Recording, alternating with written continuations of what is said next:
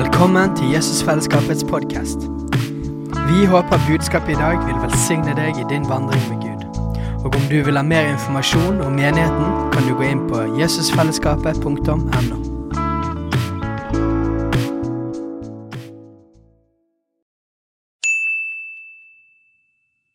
Hei! Visste du at Jesusfellesskapet starter en ny bibelskole til høsten? Den heter Jesusskolen og starter den 3. september. Gå inn på jesusskolen.no for mer informasjon. Amen, amen. Det en haug med folk der oppe i dag òg. Hei, alle sammen der oppe. Vi kan slå opp i Apostelens gjerninger, kapittel 1. Siden vi er i begynnelsen av året, så eh, er det jo ofte sånn med, med, med starten av året at det er, en, eh, det er en god måte og det er en god anledning til å sette litt sånn retning. Eh, forkynne retning og forkynne visjon.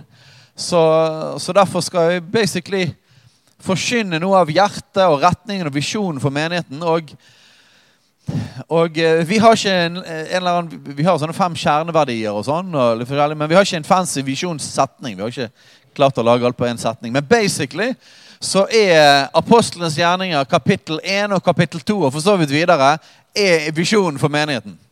Så jeg har lyst til, jeg skal forkynne gjennom apostelens gjerninger 1 og 2 eh, flere forskjellige elementer. Så hva, hva er poenget med visjon? Jo, det er sånn at eh, Gud, han skapte ved sitt ord. sant? Så når han eh, talte, når han sa ut 'bli lys', så ble det lys. Så er det sånn at Guds ord er levende og virksomt og skaper noe tveget sverd. sant? Så når vi taler ut Guds ord, så skaper det noe. Det trenger gjennom. Så en av poengene med visjon er det at, eh, at hvis det er fra Gud, og hvis ordene er fra Gud, så skaper det det det sier. Så det er ikke liksom bare å informere om et eller annet. Men nettopp det å forsyne det ut er med en del av prosessen og mekanismen ved at det faktisk blir skapt. Ok?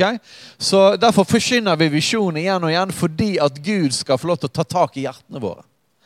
For det er sånn med, med, med visjon at eh, for en flokk eller for en menighet så er det jo veldig fint om jeg har det, eller noen andre lederne har det. Men klart at eh, hvis, hvis det eneste jeg gjør, er at jeg har det som en visjon, og så går jeg etter det, mens ingen av dere andre egentlig er særlig interessert i det, så er jo da er jo jeg bare på tur på egen hånd.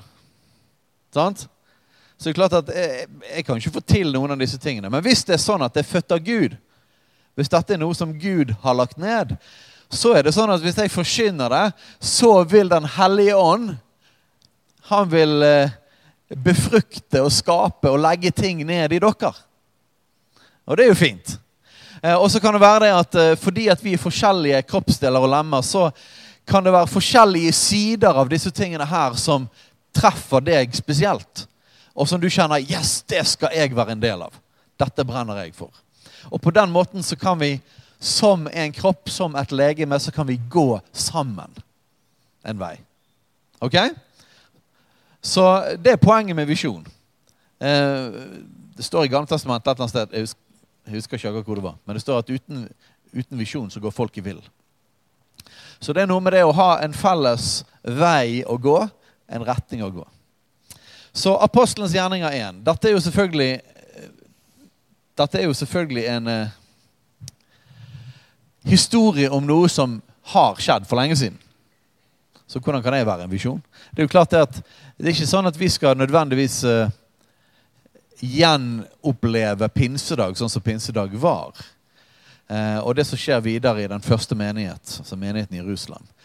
Men samtidig som det var en historisk hendelse, så er det òg en modell og et bilde for Guds menighet i dag. Sånn er jo det med hele, hele Bibelen. Det betyr ikke at vi gjenopplever nøyaktig akkurat de samme historiske tingene. Men, men gjennom Bibelen så ser vi hvem Gud er, vi ser hva hans vilje er. Vi ser hva hans natur er. Og så ser vi mønstre for oss her i dag. Det er jo derfor vi leser Bibelen. Så historien om menighetens fødsel, som disse to kapitlene, er, er ikke bare en historie om noe som skjedde, men det også, det forkynner òg hjertet av hva menighet skal være for noen ting. Sant? Dette var sånn den første, den originale. Eh, og, så jeg tror det, er Guds lengsel at alle menigheter ligner litt på dette her. Så, så hva er det som skjer i Apostels gjerninger 1? Dette er altså når Jesus har stått opp igjen fra de døde. Og etter han har stått opp fra de døde, så er han sammen med disiplene sine, og så underviser han de litt sånn ekstra. Det er som det siste, siste kurset før han drar til himmelen. Sant? Og så eh, sier han Vi kan jo lese fra vers 4. Da han var sammen med dem, bød han dem at de ikke skulle forlate Jerusalem, men vente på det som Faderen hadde lovt. Det som dere, sa han, har hørt av meg. For Johannes døpte med vann, men dere skal bli døpt med Den hellige ånd ikke mange dager heretter. Og Det er litt interessant, det, for på slutten av evangeliene så har vi jo misjonsbefalingen. sant? Eh, og det er jo satt inn i den samme konteksten her. Og da sier jo Jesus 'gå ut'. Sant? Gå ut i all verden. Men eh, det Jesus sier her, er 'ikke gå ut helt ennå'. Vent. Vent i Jerusalem til Faderen gir det som han har lovt. Og, så det er veldig interessant å se gjennom Bibelen at venting Venting det ser ut som å søke Guds ansikt. Venting i Bibelen er ikke, er ikke bare en si, passiv venting. Ja, kanskje det skjer et eller annet. Jeg vet ikke, jeg sitter bare her og venter. Nei, det er en venting med forventning. Eh, det er, en, det er en forventning om at noe skal skje, men du vet ikke helt når det skal skje. Men det er en tro, det er en forventning. Her er det jo venting basert på et ord fra Jesus om at noe skal skje. Et løfte om at noe skal skje. Og måten de venter på, er at de søker Gud. Så hvordan ser det ut som oss? Nei, jeg, eh, jeg ønsker at vi skal være en ventende menighet. Det er det jeg ser. Det er en del av visjonen som jeg ser, så jeg håper at kan være vår alles visjon. At vi venter. Hva venter vi på da? Vi venter på mer av Guds ånd skal bryte inn. Vi venter på at uh, Hans herlighet skal komme enda mer. Vi venter på at han skal gjøre noe enda mer i byen vår og landet vårt. Vi kunne jo ventet på noe annet. Vi kunne jo ventet, uh, bare ventet på at statistikken skulle bli dårligere og dårligere i landet vårt. Det kunne vi jo sittet og ventet på. Eller vi kunne bare sitte og ventet på at, at Jesus kommer tilbake. Og det, det, skal vi jo. Vår Herre kommer. Maranata. Vi kunne jo ventet på mye forskjellig. Ventet til at, vente til at vi dør.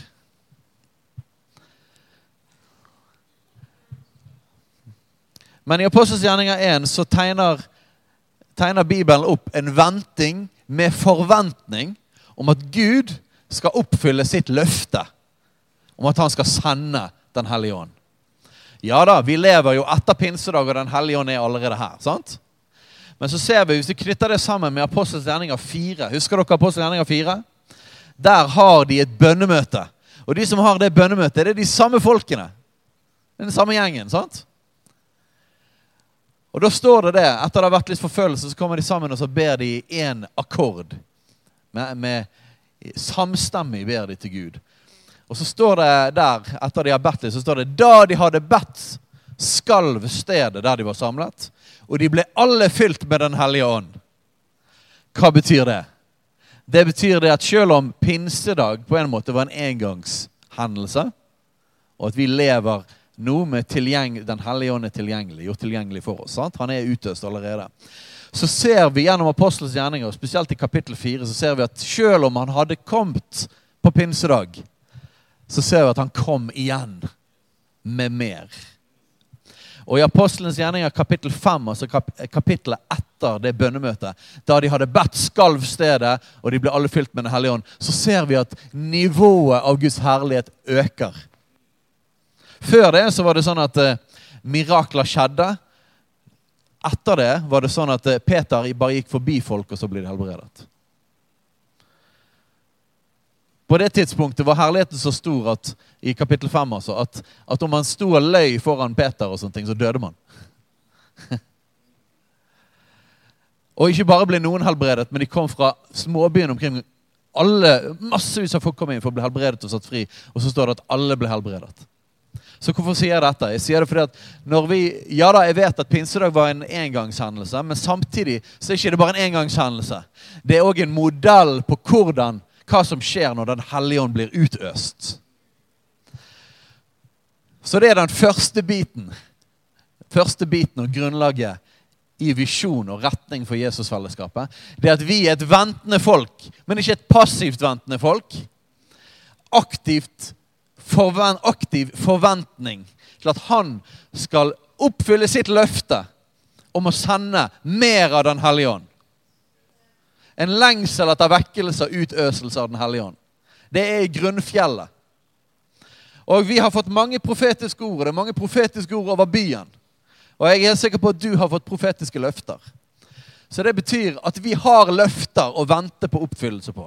Og hvordan ser altså venting ut?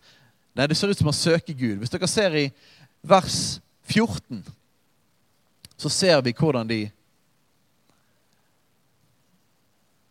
Hvordan de ventet. Og alle disse holdt sammen og var utholdende i bønnen. De var samlet og var utholdende i bønnen. Utholdende. Vet dere når man trenger utholdenhet? Har du tenkt på det noen gang? Når trenger du utholdenhet? Det er når du har lyst til å slutte. Sant? Så utholdenhet betyr at du fortsetter og fortsetter og fortsetter. Du fortsetter å stå på det løftet Gud har gitt. Du fortsetter å vente med forventning istedenfor å bli mismodig og motløs. Du fortsetter å holde blikket oppe på Jesus, du fortsetter å søke hans ansikt, og du fortsetter å be det er utholdende bønn. Så de ventet gjennom utholdende bønn. Derfor har vi bønn og lovsang hver dag i dette bygget her.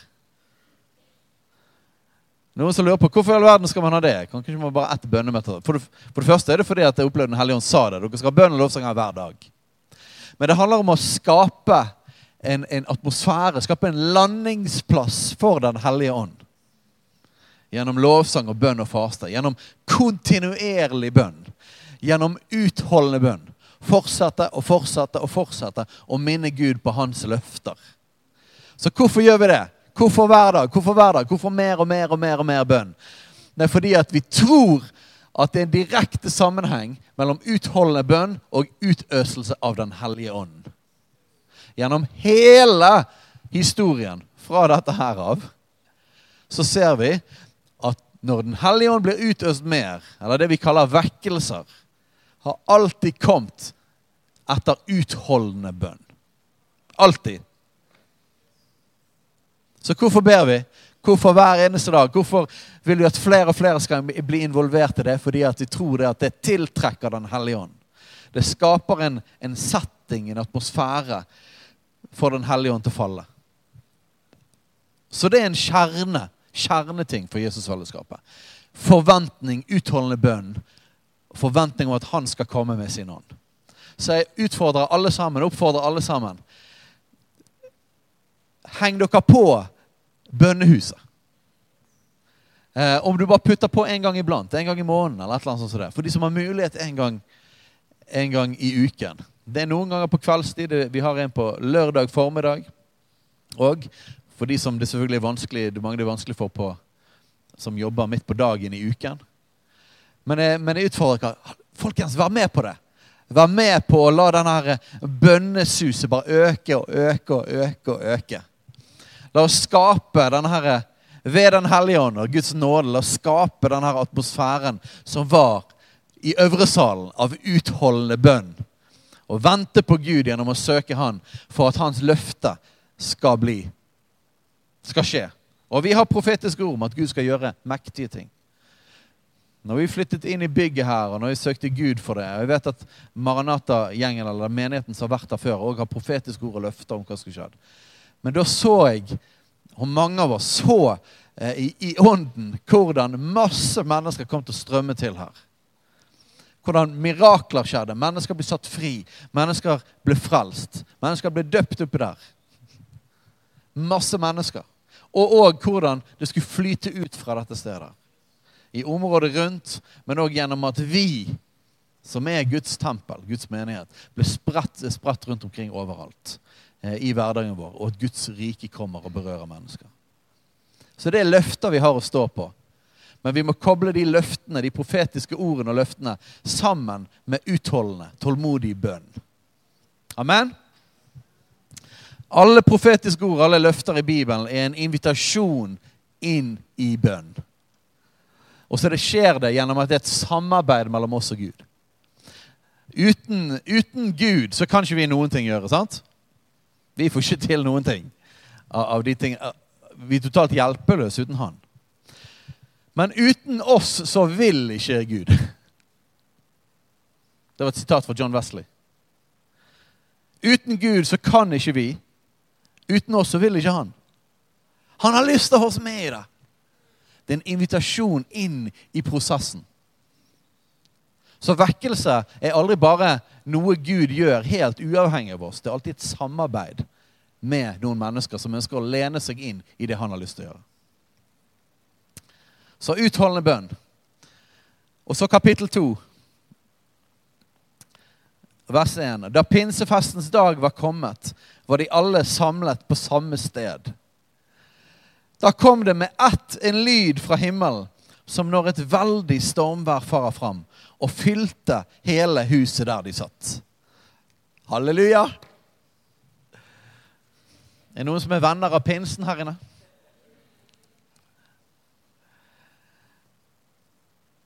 Jeg håper det at du er fylt av Den hellige ånd, at du er døpt i Den hellige ånd. At du lever med Han, at du taler i nye tunger. Og hvis du ikke er det, så vil vi gjerne være med og be for deg seinere.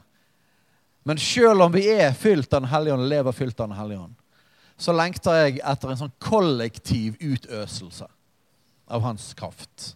En kollektiv utøselse av hans ånd. Og dette har skjedd mange ganger i historien. Det var ikke bare på pinsedag. Da viste seg for dem tunger like som av ild, som delte seg og satte seg på hver enkelt. Av dem. Alle sammen. Alle sammen. Ikke bare noen her og der, og så er det noen som sitter i trist hjørne. Men Den hellige ånd kom over hele flokken. I den flokken så tipper jeg det at det var alle mulige slags forskjellige folk. Jeg tipper det var alle mulige slags faser i livet, alle mulige slags livssituasjoner. Men Den hellige ånd kom over de alle sammen. Og Da de ble fylt av Den hellige ånd, og da ble de alle fylt med Den hellige ånd, og de begynte å tale i andre tunger, alt etter som ånden gav dem å tale. Nå bodde de i Jerusalem gudfryktige jødiske menn fra alle folkeslag under himmelen. Da denne lyden hørtes, samlet det seg en stor folkemengde. Dette møtet var ikke annonsert. Men Den hellige ånd, eller Guds vind, samlet folkene. Det er helt supert å invitere folk med på ting. Det er helt, helt eh, fint å, å, å, ha annonser på sosiale medier. Men jeg lengter etter å se en utøselse av Den hellige ånd som faktisk samler folk av seg sjøl. Eller at det er Gud som samler folk. At Gud samler folk. Og Dette har vi sett gjennom historien. Når Den hellige ånd beveger seg, når Den hellige ånd faller, så drar det mennesker. Når ilden brenner, så samler det folk. Sultne mennesker kommer. Og til og med folk blir dratt til overnaturlig. Jeg tror vi kommer til å se mennesker som bare går forbi her og bare blir dratt inn, og så kommer de til å møte Jesus. Ikke fordi at noen av oss er flinke, eller noe som helst, men fordi at Den hellige ånd beveger seg. Jeg lengter etter en sånn vind som kommer og blåser, som samler mennesker. Og jeg tror på det. Men nøkkelen er utholdende bønn, basert på hans løfter. En stor, Det samlet seg en stor folkemengde. Kan ikke vi bare be inn i det akkurat nå? Gud, jeg ber om at du skal samle. Jeg ber at du skal gi en overnaturlig favør. At du skal samle folk til deg, Herre. Når vi ber om det, ikke bare for vår forsamling her, vi ber om det for hele, hele din menighet i Bergen. At du skal blåse med din vind på byen vår. Som gjør det at mennesker overnaturlig blir samlet til deg, Herre. Til lyden av din vind, Herre. Til lyden av din ånd, Herre. Samle mennesker til deg. Dra folk til deg. Kall folk inn til deg sjøl, Jesus. For ingen kan komme til deg uten at Faderen drar dem, sa du. Så vi ber at du kommer og drar mennesker i byen. Gjør det i hele Bergen, Herre. Dra folk til din menighet. Og dra folk hit, Herre. Og dra folk til oss, Herre, når vi er spredt gjennom hverdagen vår, Herre. Dra folk, Herre, gjennom din ånd, ved din ånd, Herre. Overnaturlig. Dra mennesker, Herre. Og I vers 17 så forklarer Peter hva som har skjedd. Det skal skje i de siste dager, sier Gud. Da vil jeg utgyte av min ånd over alt kjød. Hva betyr det? Det betyr det at pinsedag var starten, men det var ikke den totale oppfyllelsen av det ordet. For det var ikke det som skjedde på pinsedag, var det det? Den hellige ånd ble ikke utkjølt, utøst over alt kjød, altså alle mennesker. Men det begynte på pinsedag. Så pinsedag er ikke bare en engangshendelse, men det er en start på noe som Gud vil gjøre igjen og igjen og igjen, kontinuerlig over hele jorden. Det skal skje de siste dager, sier Gud, at jeg vil utgyte min ånd over alt kjød. Bare der så har vi et løfte som vi kan be utholdende inn i. Sier Gud, dette har ikke skjedd helt ennå. Utøs din ånd. Mer. Gjør det igjen. Deres sønner og deres døtre skal tale profetiske ord. Og deres unge menn skal se syner, og de gamle iblant dere skal ha drømmer. Selv av mine treller og trellkvinner vil jeg i de dager utgyte av min ånd, og de skal tale profetiske ord. En av tegnene du så Tungetallet var, var det første som skjedde når de ble fylt av Den hellige ånd. Og her så snakker Peter om profetiske ord, syner og drømmer. Det profetiske er en essensiell del av det at Den hellige ånd blir utøst. I Efeserne står det, det at, at menigheten er bygget på, på apostlenes og profetenes grunnvoll. I, i Efeserne 4,11 står det om at han gav noen til apostler, noen til profeter osv. Eh, profet, den profetiske tjenesten, at sønner og døtre kan tale profetisk, og oppreisning av profeter er en enormt viktig ting for at vi skal se Guds rike bryte fram enda mer i landet vårt. En av ordene som Gud har gitt oss som menighet, er at vi skal være et hjem for profeter. For den profetiske tjenesten, både profettjenesten, men også det profetiske, har fått lite rom i landet vårt. Og vi opplever det at Gud har sagt til oss at vi skal skape rom for det profetiske hos oss. Både de som Gud reiser oss som profeter, men òg i hele flokken i hele menigheten. Og Løftet her er at deres sønner og deres døtre skal tale profetiske ord. Dette er for alle. Når Gud utøser sin ånd, så vekkes òg det profetiske. Og det er grunnen til at vi har profetisk konferanse. Det er ikke bare fordi at liksom, La oss finne på et eller annet. Kanskje vi skal ha en profetisk konferanse. Nei, det handler om dette her. Det handler om at vi tror at det er strategisk, essensielt viktig for landet vårt. Og at vi har fått et kall som vi må gjøre vår bit av. Til å skape rom for det profetiske og skape rom for profettjenesten. Du vet at Den som gir en profet et glass vann, skal få en profetslønn. Så bli med på profetisk konferanse. Ok? Men deres sønner og deres døtre skal tale profetiske ord, og deres unge menn skal se syner, og de gamle blant dere skal ha drømmer. Selv over mine treller og tallkvinner vil jeg de dager utgyte av min ånd, og de skal tale profetiske ord. Så det inkluderer jo alle sammen, ikke det? Så far, jeg ber om det, Herre. Utøs din ånd over oss, sånn at vi kan tale profetiske ord, Herre. Både de unge og de gamle. Drømmer og syner, Herre. Og du sa i ditt ord, Herre, du har sagt i ditt ord i Korinterbrevet at de som profeterer, de oppbygger menigheten. Og far, vi ber om det, Herre. La det være masse flyt av det profetiske dette året. 2023, Herre, la det være et år med økning av forløsning, av det profetiske og profetiske gaver og drømmer og syner i Jesu Kristi navn. Jeg bare kjente tilbake når jeg ba det, at eh, profetiske drømmer eh, Gud vil gjøre noe spesielt i forhold profetiske drømmer. Kan, kunne dere ta og lagt hendene på noe som, som, som, er i nærheten, og så bare ber vi om det? Gud, forløs profetiske drømmer dette året her. Profetiske drømmer, Herre. Snakk til oss i drømmer. Syner og drømmer i Jesu Kristi navn. Og så står det videre Jeg skal gjøre under oppe i himmelen og tegn nede på jorden. Blod og ild og røyk og skyer. Og solen skal bli forvandlet til mørke og månen til blod før Herrens dag kommer, den store, den herlige. Og det skal skje at hver den som påkaller Herrens navn, skal bli frelst. Og Her ser vi i det profetiske ordet fra Joel at det er en sammenheng mellom at Den hellige ånd blir utøst, og at mennesker kommer til tro. Sant? Noe spesielt skjer når Den hellige ånd kommer mer, som gjør det at de som har virket som lukkede mennesker, plutselig så smelter hjertene. Og Det som skjer videre her, det er at Peter, etter han har forklart hva som skjedde på pinsedag, så begynner han å forkynne evangeliet. Og Det han forkynner evangeliet til, det er jo den samme gjengen som har ropt 'korsfest, korsfest' til Jesus. Det er den samme gjengen som avviste Jesus ikke så lenge før dette her. Og så forkynner han evangeliet, og det er neste punkt. En tydelig og klar, en radikal forkynnelse av evangeliet. Det er en av tingene som jeg vet Gud har kalt meg til å være med og løfte opp i landet vårt. At evangeliet trenger å bli forsynt tydelig og klart og rent. Hans nåde og hans godhet og hans kjærlighet selvfølgelig skal være det som skinner kraftigst. Det er jo det som er de gode nyhetene.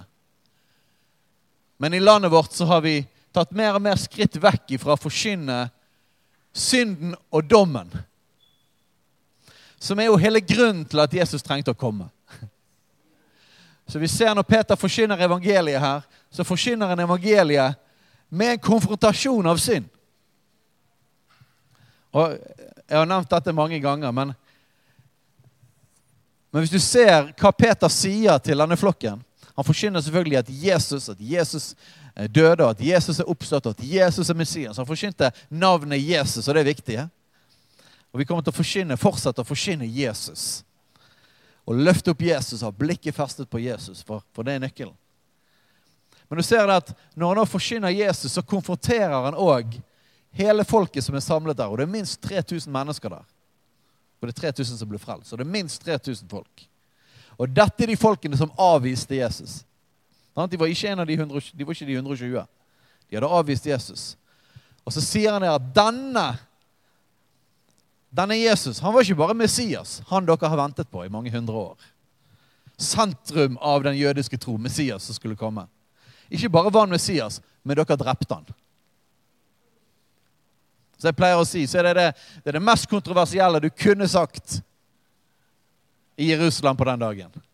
Og hva betyr det? Det betyr at evangelieforkynnelse fra dag én av menighetens fødsel så er ikke evangelieforkynnelse noe som bare skal gjøre alle happy.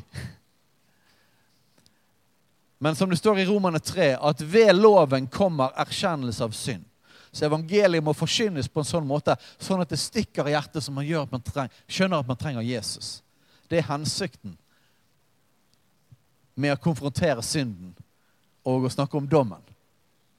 Ikke for at folk skal bli værende i synd og dom og fordømmelse, men for at folk skal skjønne det at vi trenger Jesus. Uten at vi forkynner det, så gir ikke evangeliet noen mening. Og Hvis du ser gjennom hele apostelens gjerninger, så ser du at ingen ganger ble evangeliet proklamert uten at det ble forkynt på den måten. Det tristeste eksempelet er jo kanskje Stefanus, for han kom aldri til de gode nyhetene før de steinet han. Alltid står dere Den hellige ånd imot, og så bare Så drepte de han. Men evangeliet blir alltid forkynt med en spiss. Og det trenger vi fortsatt å gjøre i dag. Så det er en del av visjonen. At vi skal være en menighet som forkynner evangeliet tydelig og klart, uten å være redd for dagens avguder. Ja, faktisk er det sånn at hvis evangeliet skal forkynnes sånn som på pinsedag, i Bergen i 2023, så bør vi faktisk forkynne inn i det mest ubehagelige i vår kultur. Halleluja!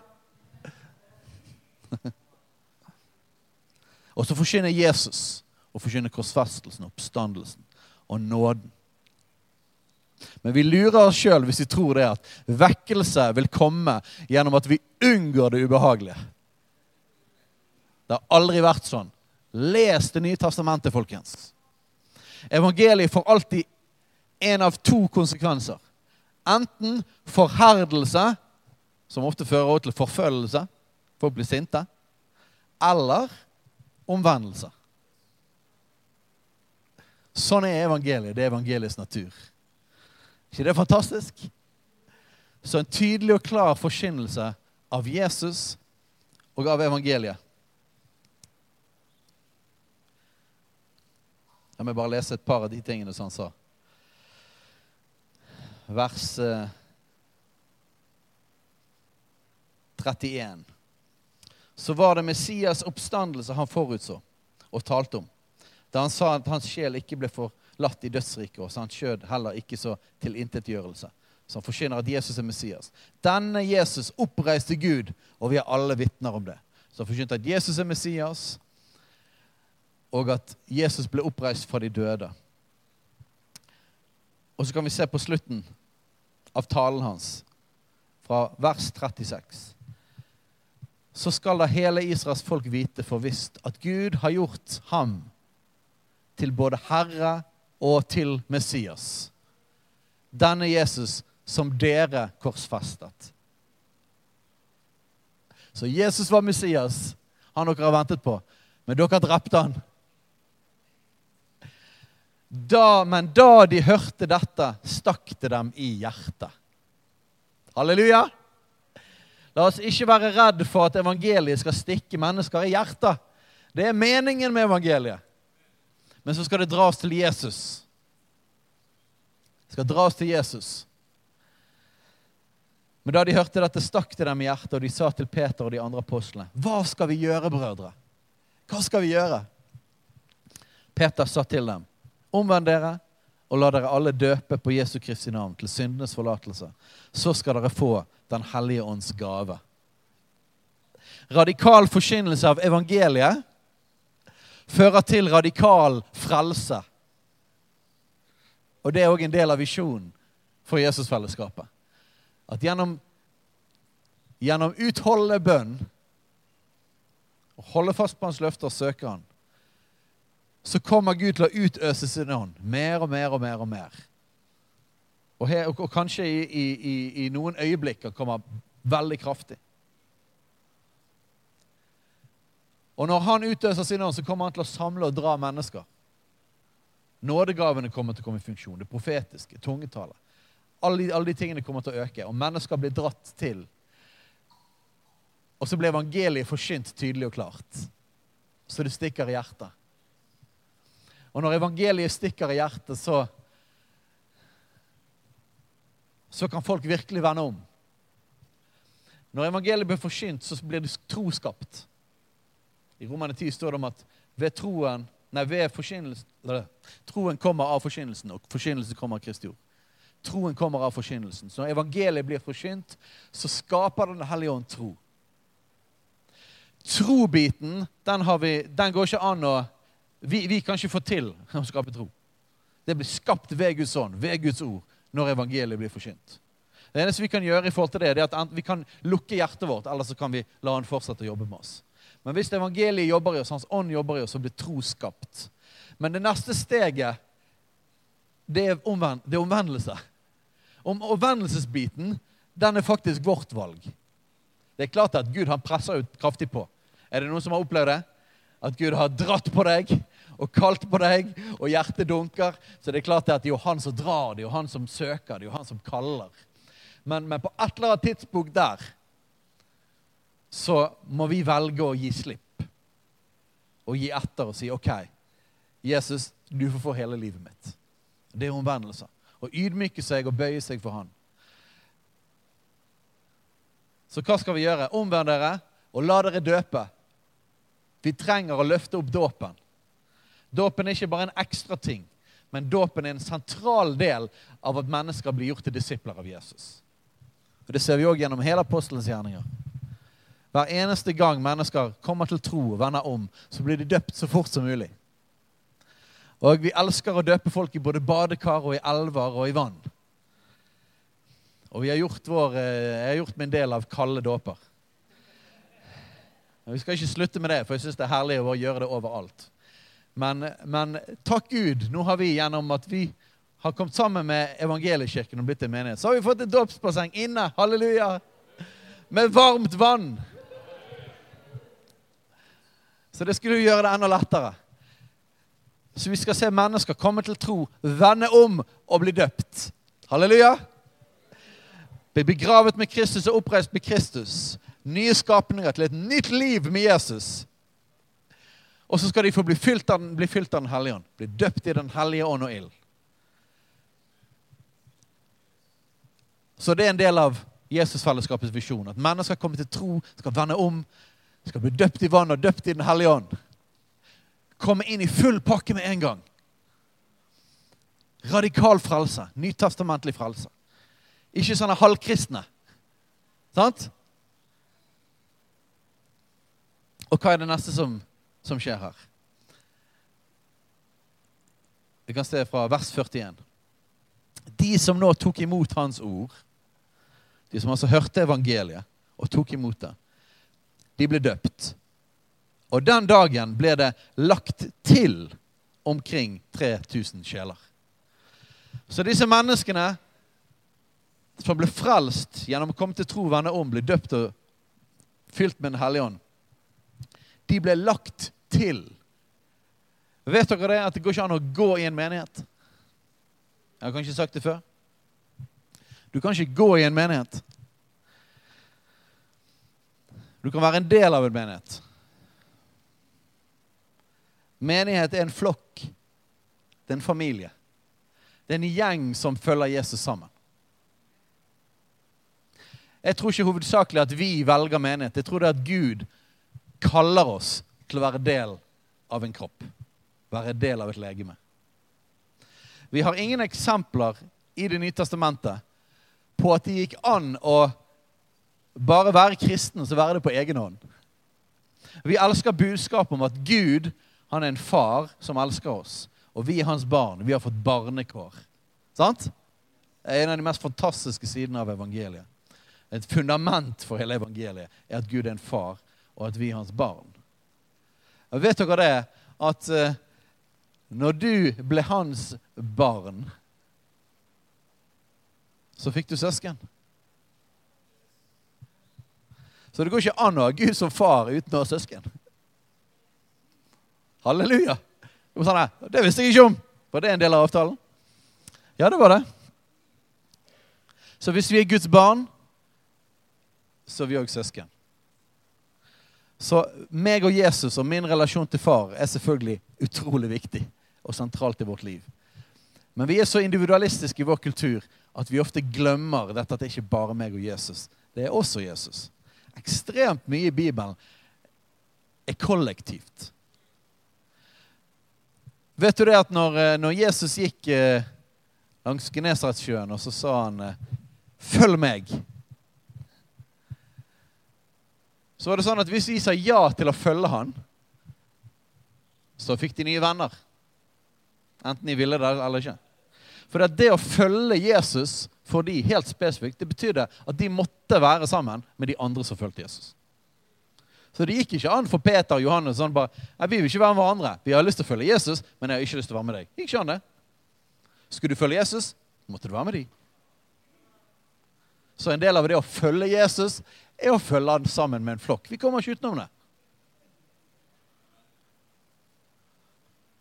Og menighet, familie, fellesskap, relasjoner, det er vanskelig. For at vi er vanskelige. Hele gjengen av oss. Vi er kjempevanskelige. Jeg er helt overbevist om at hvis jeg hadde klonet meg sjøl, så hadde jeg klart til å få en konflikt med meg sjøl. Jeg er helt sikker på det. Til og med meg i går i forhold til meg i dag. Vi er sikkert ikke blitt enige. Sant? Jeg har godt humør på morgenen og dårlig på kvelden. Hvis de hadde møtt hverandre, da hadde det gått dårlig. Og hva betyr det? Det betyr at vi har det alle sammen i oss. Det betyr ikke det er ikke bare de andre sin skyld at det er vanskelig. dette. Vi er vanskelig hele gjengen. Vi trenger fellesskap. Vi trenger å være en del. De ble lagt til menigheten. De ble lagt til. De som lot seg frelse, de som ble døpt, ble lagt til. Det var liksom ikke noe rom der for noe annet. Det å være en etterfølger av Jesus er å være en del av en flokk. Sånn er det bare. Halleluja. Vi har aldri fokusert noe særlig på medlemskap.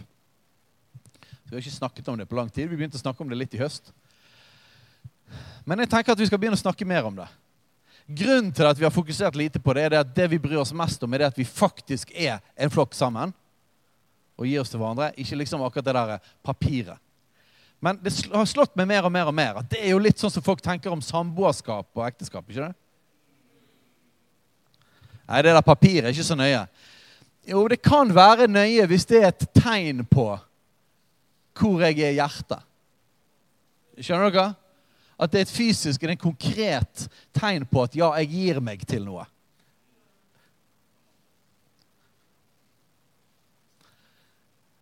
Så hvis du har lyst til å være en medlem, en kroppsdel som er koblet på en kropp, så meld deg inn. Halleluja! Det er en praktisk, konkret måte å tydeliggjøre noe som er i hjertet. At ja, jeg vil høre til en kropp. Jeg vil forplikte meg inn. Og Dere vet jo hvordan det blir med kroppsdeler som er kuttet av en kropp. Funker de bra? Nei. Bibelen sier det at djevelen han går omkring som en brølende løve. Han leter etter noen han kan sluke. Har dere lest det? Så djevelen leter etter noen han kan ta, noen han kan sluke. Jeg har litt uh, inside information om løver fra å ha sett naturfilmer helt fra jeg var liten. Jeg elsker spesielt når løvene skal ta gnuene eller sebraene. Det er det mest spennende i naturfilmene. Det eneste som kan måle seg, det er når, eh, det er når krokodillene skal ta gnuene. og de står og drikker. Og, ja. Men hvordan er det løver Hvordan er det løver tar gnuer og sebraer? De prøver strategisk å skille noen ut fra flokken, sånn at de kan ta dem. Så hvis djevelen går rundt som en brølende løve, så har jeg et hint til deg. Hold deg inne i flokken. Da er du bedre beskyttet. Men han prøver å skille oss ut fra hverandre, for det vi lettere å ta. Det fins en både praktisk og en åndelig beskyttelse av å være en del av en flokk. Så gi deg inn. Gi deg inn i fellesskapet. Om det ikke er her, la Gud tale til deg om et annet sted, men vær en del av et fellesskap. Det handler ikke om denne menigheten. Det handler om sånn er det å være en etterfølger av Jesus. Vi hører til en flokk, og det ser ut som noe konkret. Så de ble lagt til menigheten. Det betyr Nå satt tydningen på det? Det er veldig bra. Dette er veldig bra, betyr det, tror jeg. Halleluja. Hvor langt var vi kommet her? Vers 41. Den dagen ble det lagt til, om, lagt til omkring 3000 kjeler. Og så står det om disse folkene som ble lagt til, denne gjengen av nå 3120 mennesker. Og så står det spesielt om disse nye folkene. Og her ser vi at de var blitt skikkelig frelst. Som Peter pleier å si at vi pleier å si. Skikkelig frelst. Det betyr at Den hellige ånd hadde beveget seg. sant? Evangeliet var blitt forkynt tydelig. Det stakk til hjertet. De kom til tro, de vendte om. De ble døpt i vann, de ble døpt i Den hellige ånd. De ble lagt til menigheten. Og, og hvis alle de elementene er på plass, så får det en frukt. Det får en frukt i livet. Så disse folkene de holdt urokkelig fast urokkelig fast på apostlenes lære og ved samfunnet og ved brødsbrytelsen og ved bønnene. De holdt urokkelig fast. Det betyr at det var kjempeviktig for dem. Tror dere at når det står om disse folkene, at de holdt urokkelig fast på disse tingene? Tror dere at det var bare noe som de gjorde, eller tror dere at det er et ord til oss? Sant? Det er forskjell på hvordan vi leser Bibelen. Ja, det var noe som de gjorde. Men hvorfor gjorde de det? Jo, fordi at Gud hadde fått virkelig virke i dem. Så dette var frukten av det. Sånn så det ut når denne flokken virkelig var blitt tatt av Gud. Da holdt de urokkelig fast på disse tingene. Og til vanlig så pleier vi å si det at apostlenes lære, det sier vi er Bibelen. Sant? Så hold urokkelig fast på Bibelen, Guds ord. Og det er, det er, veldig bra. Det er en god tolkning, og det, er, og det, er, riktig. Det er en god måte å ta det inn praktisk i våre liv på. Men helt sånn spesifikt for de 3000 som ble frelst, så var ikke det helt det det betydde, for de hadde ikke Bibelen. Sant? Så hvordan så det ut at de holdt fast på apostlenes lære? Vet hva det? Det så ut som at de holdt urokkelig fast på å komme sammen og høre apostlene forkynne. Så det ikke kun, liksom, dette er ikke kun en utfordring til å sitte hjemme og lese Bibelen, som er, som er, utrolig viktig. Men det er en utfordring til å holde urokkelig fast på å komme sammen som flokk og høre forkynnelsen av ordet. Og det har vært en sentral del av den kristne tro helt fra starten av. Det er en av måtene han utruster sitt folk, er det at, at, at ordet blir forsynt sammen. Så de holdt urokkelig fast på det. Så jeg utfordrer deg. Hold urokkelig fast på å komme sammen og høre ordet forsynt. I tillegg til selvfølgelig å høre ordet og lese ordet sjøl. Så de holdt urokkelig fast på det, og så holdt de urokkelig fast på samfunnet.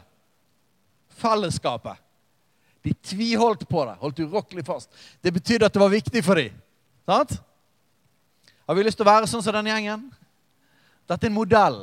Jeg forkynner en visjon, og det jeg ser i ånden, er at dette ikke bare var noe som var, men at dette er noe som kommer til å prege oss. Dette er en beskrivelse av livet vi skal få se i menigheten, og hva som skjer ut av det. De holdt urokkelig fast på apostelens lære, på samfunnet, på brødsbrytelsen, nattverden. De hadde måltid, spiste sammen. Og i konteksten av måltidet så brøt de òg brødet og drakk vinen, som et profetisk tegn og en feiring av det Jesus hadde gjort. Så det var både fellesskap med hverandre, det var mat, det var spising, og så var det å feire evangeliet sammen. De holdt urokkelig fast på det. Jeg tror nattverden er utrolig viktig. For det holder oss i sentrum. Det holder oss med blikket festet på Jesus og det han har gjort. Men igjen så ser vi at det de holdt urokkelig fast på, det var i konteksten av fellesskap. Ser dere det? Så de tre første her handler om fellesskap. Fellesskap, fellesskap, fellesskap. Og Litt seinere her så ser vi det at de brøt brødet og holdt måltid i hjemmene. Jeg skal ta det rett etterpå. Den fjerde tingen de holdt urokkelig fast på, det var bønnene. Så la oss holde urokkelig fast på bønnelivet og søke hans ansikt, men òg å søke hans ansikt sammen. De holdt urokkelig fast på apostelens lære, på samfunnet, på brødsbrytelsen og ved bønnene. Neste vers. Og det kom frykt over enhver sjel, og mange under og tegn ble gjort ved apostlene. Så den neste tingen, den neste delen av visjonen, av det jeg ser for menigheten vår, som er Håper at Den hellige ånd vil legge ned i deg, at du skal se og lengte etter og be om. Det at mange under og tegn skjer. Mange under og tegn. At det er vanlig iblant oss at mirakler skjer. For at når Jesus gikk rundt, så var det ingenting han var mer kjent for enn å helbrede de syke og kaste ut onde ånder. Så i sentrum, en del av tingene som var i sentrum av Guds menighet helt fra fødselen av, var det at tegn og under skjedde. Så ikke bare blir evangeliet forkynt radikalt, men det blir demonstrert gjennom kraft, gjennom tegn og under, gjennom helbredelser. Amen. Jeg har lyst til å be om det. Gud, vi ber om en økning av tegn og under og mirakler, Herre. En økning av helbredelser, en økning av mennesker satt fri fra onde ånder. Økning av mennesker satt fri fra dype indre sår og traumer, Herre. Herre, la det vokse, Herre. Og vi har opplevd mange mirakler Sikkert de aller fleste av oss her har opplevd at du har grepet inn og gjort mirakler i livet vårt og rundt oss. Herre. Men vi har òg opplevd tap, og vi har òg opplevd smerte når mirakler ikke har skjedd. Og jeg ber om at den smerten ikke skal hindre oss fra å komme videre inn, Herre, og se mer av tegn og under iblant oss, Herre. Dette er din lengsel, Herre, for din menighet. Tegn og under midt iblant oss.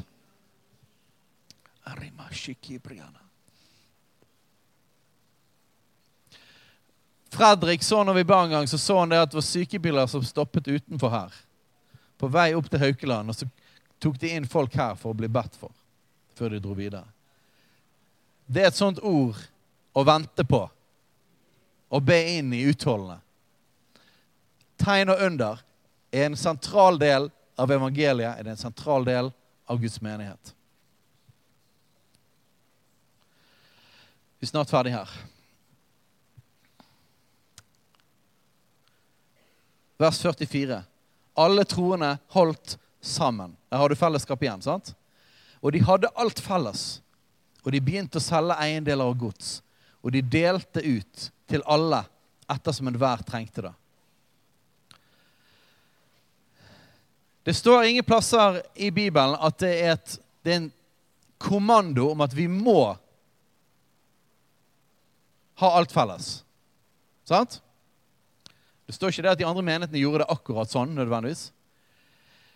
Det, det, er ingen kommando til at vi må selge eiendeler og gods og dele ut til alle. Men det det betyr, er at en del av frukten av det Den hellige ånd gjorde, var raushet. Sant? Så Det betyr at vi, det, er ikke sånn at vi nødvendigvis må dette. Senere så står det at folk solgte ting, og så la de pengene ved apostlenes føtter. sant? Barnabas blod gjorde det, blant annet. Så vi må ikke, men vi kommer ikke utenom at raushet, det er et tegn på en sunn menighet. Det å ta vare på de iblant oss som lider, har det vanskelig, og økonomisk, det er del av det å være menighet. Det å ikke holde fast fast på våre eiendeler. Det er en del av det å være familie. Og Dette betyr både å hjelpe individuelt men som vi òg ser senere, så ser vi det at de kom og la pengene for apostelens føtter. Det betydde jo ikke det at Peter skulle bruke alle de pengene på seg sjøl. Dere skjønner det, sant? Ikke noe tegn på at Peter hadde et luksushus eller noe sånt. Der, at han tok pengene sjøl. Nei, han tok pengene for å forvalte dem til hvordan Lederskapet forvaltet pengene til hvordan de brukte pengene. Både ta vare på, på, på enker og farløse, og så brukte det på den måten som var bra for Guds rike. Så helt fra menighetens start har det med givertjeneste, både å hjelpe hverandre individuelt, men òg å gi penger inn sentralt til flokken, har vært en sentral del av det å være menighet. Vi har undervist veldig lite om givertjeneste de siste årene. Men dette er en del av å være kristen. Halleluja. Så jeg ser for meg, jeg ser en visjon av at vi er en menighet som er så rause at ingen lider nød. Og vet dere det? At når vi gir mer, så vil det forløse at Gud gir mer. Så vi kan ikke bli fattige med å hjelpe hverandre. Det bare går ikke. For det treffer Guds hjerte.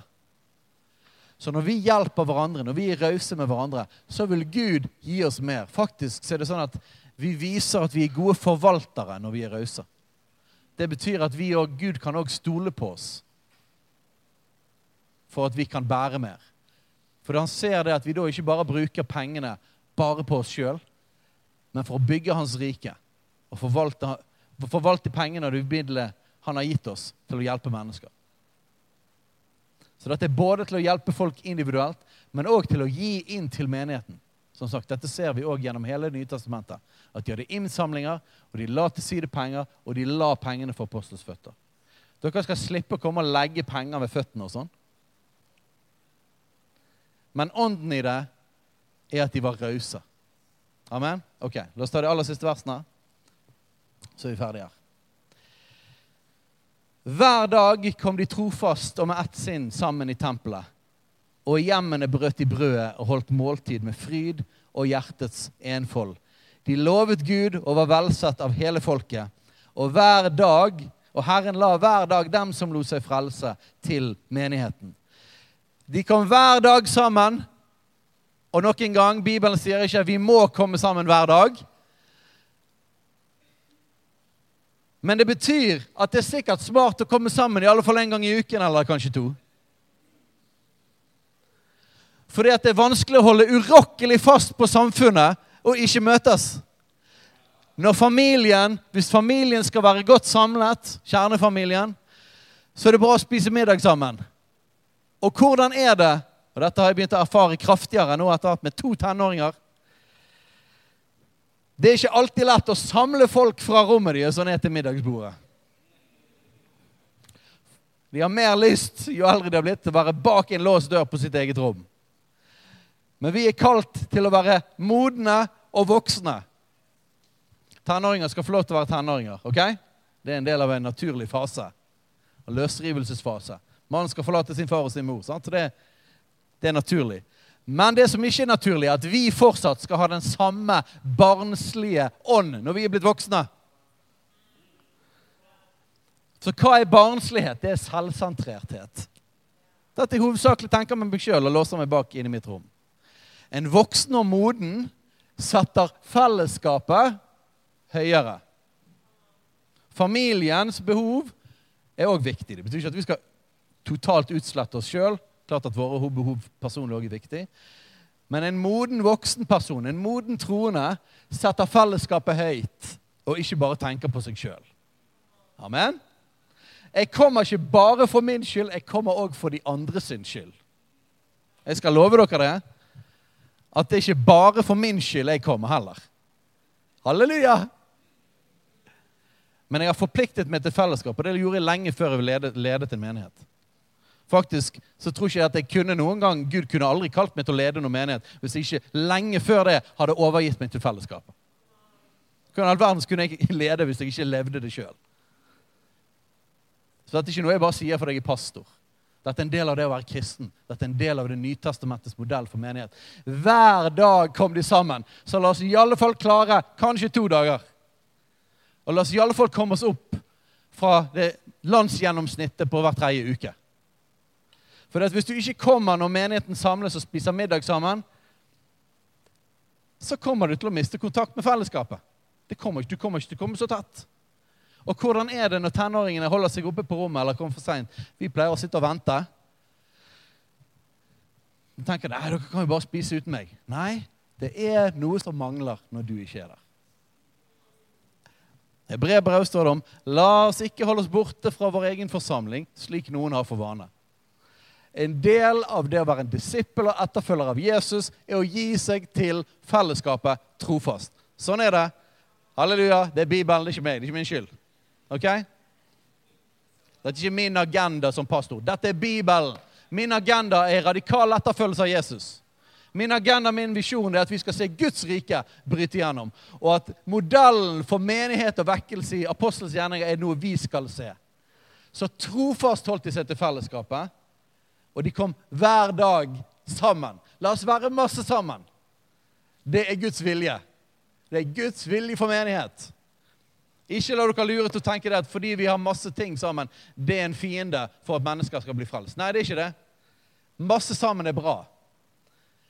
Og de, har, de spiste sammen i hjemmene. Og jeg har ikke tid til å ta dette for nøye. De spiste i hjemmene, de hadde nattverd, de lovet Gud, de tilba Gud. De var velsett av hele folket. En kommentar på det. Guds menighet har alltid vært en av to tilstander. Enten så har de hatt favør og blitt likt av folket veldig godt, eller så har de blitt hatet av folket og forfulgt. Og menigheten i Jerusalem, da var det litt opp og ned. hva det var. ok? Det bare, men det er én ting som Guds menighet aldri ble. Vet du hva det er? Ignorert. De ble aldri ignorert. De var enten elsket eller hatet. Så hvis Guds rike virkelig er blant oss, så er vi elsket eller hatet. Vi er veldig glad for favør, og vi tar det når vi får det. Om vi får forfølgelse i stedet, helt greit òg. Amen? Og hver dag la dem som lot seg frelse, la Herren hver dag den som lot seg frelse, til menigheten. Hver eneste dag. Nå har, jo, nå har jeg jo hele tiden her eh, tatt prinsippene og så vannet de litt ut, for det kan ikke bli litt for radikalt for oss. sant? Er vi med på det? Ok, Vi trenger ikke selge alt. Vi trenger ikke komme sammen hver dag. Ok, Kanskje hver dag folk blir frelst. Ja, ja, det er radikalt. Hva med at vi går for én gang i uken? Er vi med på det? Vi har jo tynnet ut de andre tingene litt. Så hva med én gang i uken? Hva med at hver uke ble det lagt til mennesker som er blitt frelst? Det er min lengsel. Hver eneste uke. Når vi ser hver uke, så kan vi, kan vi høyne det til hver dag. OK, vi kan reise oss opp.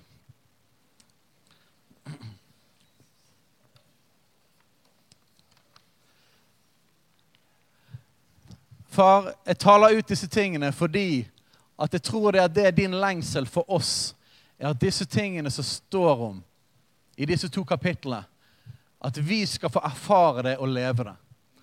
Og Jeg takker deg, Gud, for at vi har smakt smakebiter og drypp av disse tingene. Men jeg ber, far, at du øker det, Herre. At du øker, Herre. Jeg ber at du øker lengselen iblant oss. Jeg ber at du øker utholdenheten og bønnen iblant oss, Herre. Herre, jeg ber at gjennom dette året så skal bønnens ånd bare økes iblant oss, Herre. Dra oss sammen, Herre. Dra oss inn til å søke ditt ansikt, Herre. Og jeg ber at vi skal se at du oppfyller dine løfter, Herre, og det vi har fått ord om, Herre. Og at du utøser din ånd, Herre. Vi har lyst til å skape en landingsplass for Den hellige ånd. Vi har lyst til at det skal være lett for deg å bevege deg midt iblant oss, Herre. Vi har lyst til å søke ditt ansikt, Herre. Og Jeg ber at dette året skal fortsatt hver eneste dag stige opp under lovsang. Men jeg ber at det skal bli flere og flere folk. Flere og flere folk. Flere og flere folk. Og at etter hvert blir det natt og dag, Herre. Flere og flere folk og at din ånd kontinuerlig kan komme, bli utøst over oss, Herre. Kom og tøm ut Den hellige ånd på oss, Herre. Og jeg ber at du skal sende din vind og samle mennesker. Jeg ber at evangeliet skal bli forsynt tydelig, Herre. Jeg ber at det skal stikke mennesker i hjertet. Jeg ber at de skal overgi seg til deg, Herre. Jeg ber at de skal bli disipler av deg og bli lagt til fellesskapet. Og jeg ber at alle disse tingene det står om fellesskapet, jeg ber at det skal bli en del av oss, Herre. Far, la oss få komme lengre inn Herre, i det vi har lest, Herre. La oss komme lengre inn i det i 2023, Herre. Og jeg ber at For hver eneste person her inne så ber jeg om at du skal tale til hver enkelt om å koble seg inn i kroppen, inn i fellesskapet og inn i visjonen her. Hvis dette er fra deg, Herre, så ber jeg at du, Hellige Ånd, bekrefter det i hver enkelts hjerte. Og at du viser hver enkelt hva det vil si å være en kroppsdel og være en del av det. I Jesu Kristi navn. Amen. Hei, alle sammen. Det er Katrine og Steinar Lofnes her. Vi er hovedledere for Jesusfellesskapet. Så kjekt du har lyttet til denne podkasten. Har du forresten hørt noen av de andre podkastene våre? Ukens tale, Disippelskolen, Hyrdepodden, Kulturkrigen og Mammas hjerte. Du finner disse podkastene på Spotify, Apple Podkaster og på nettsiden vår jesusfellesskapet.no.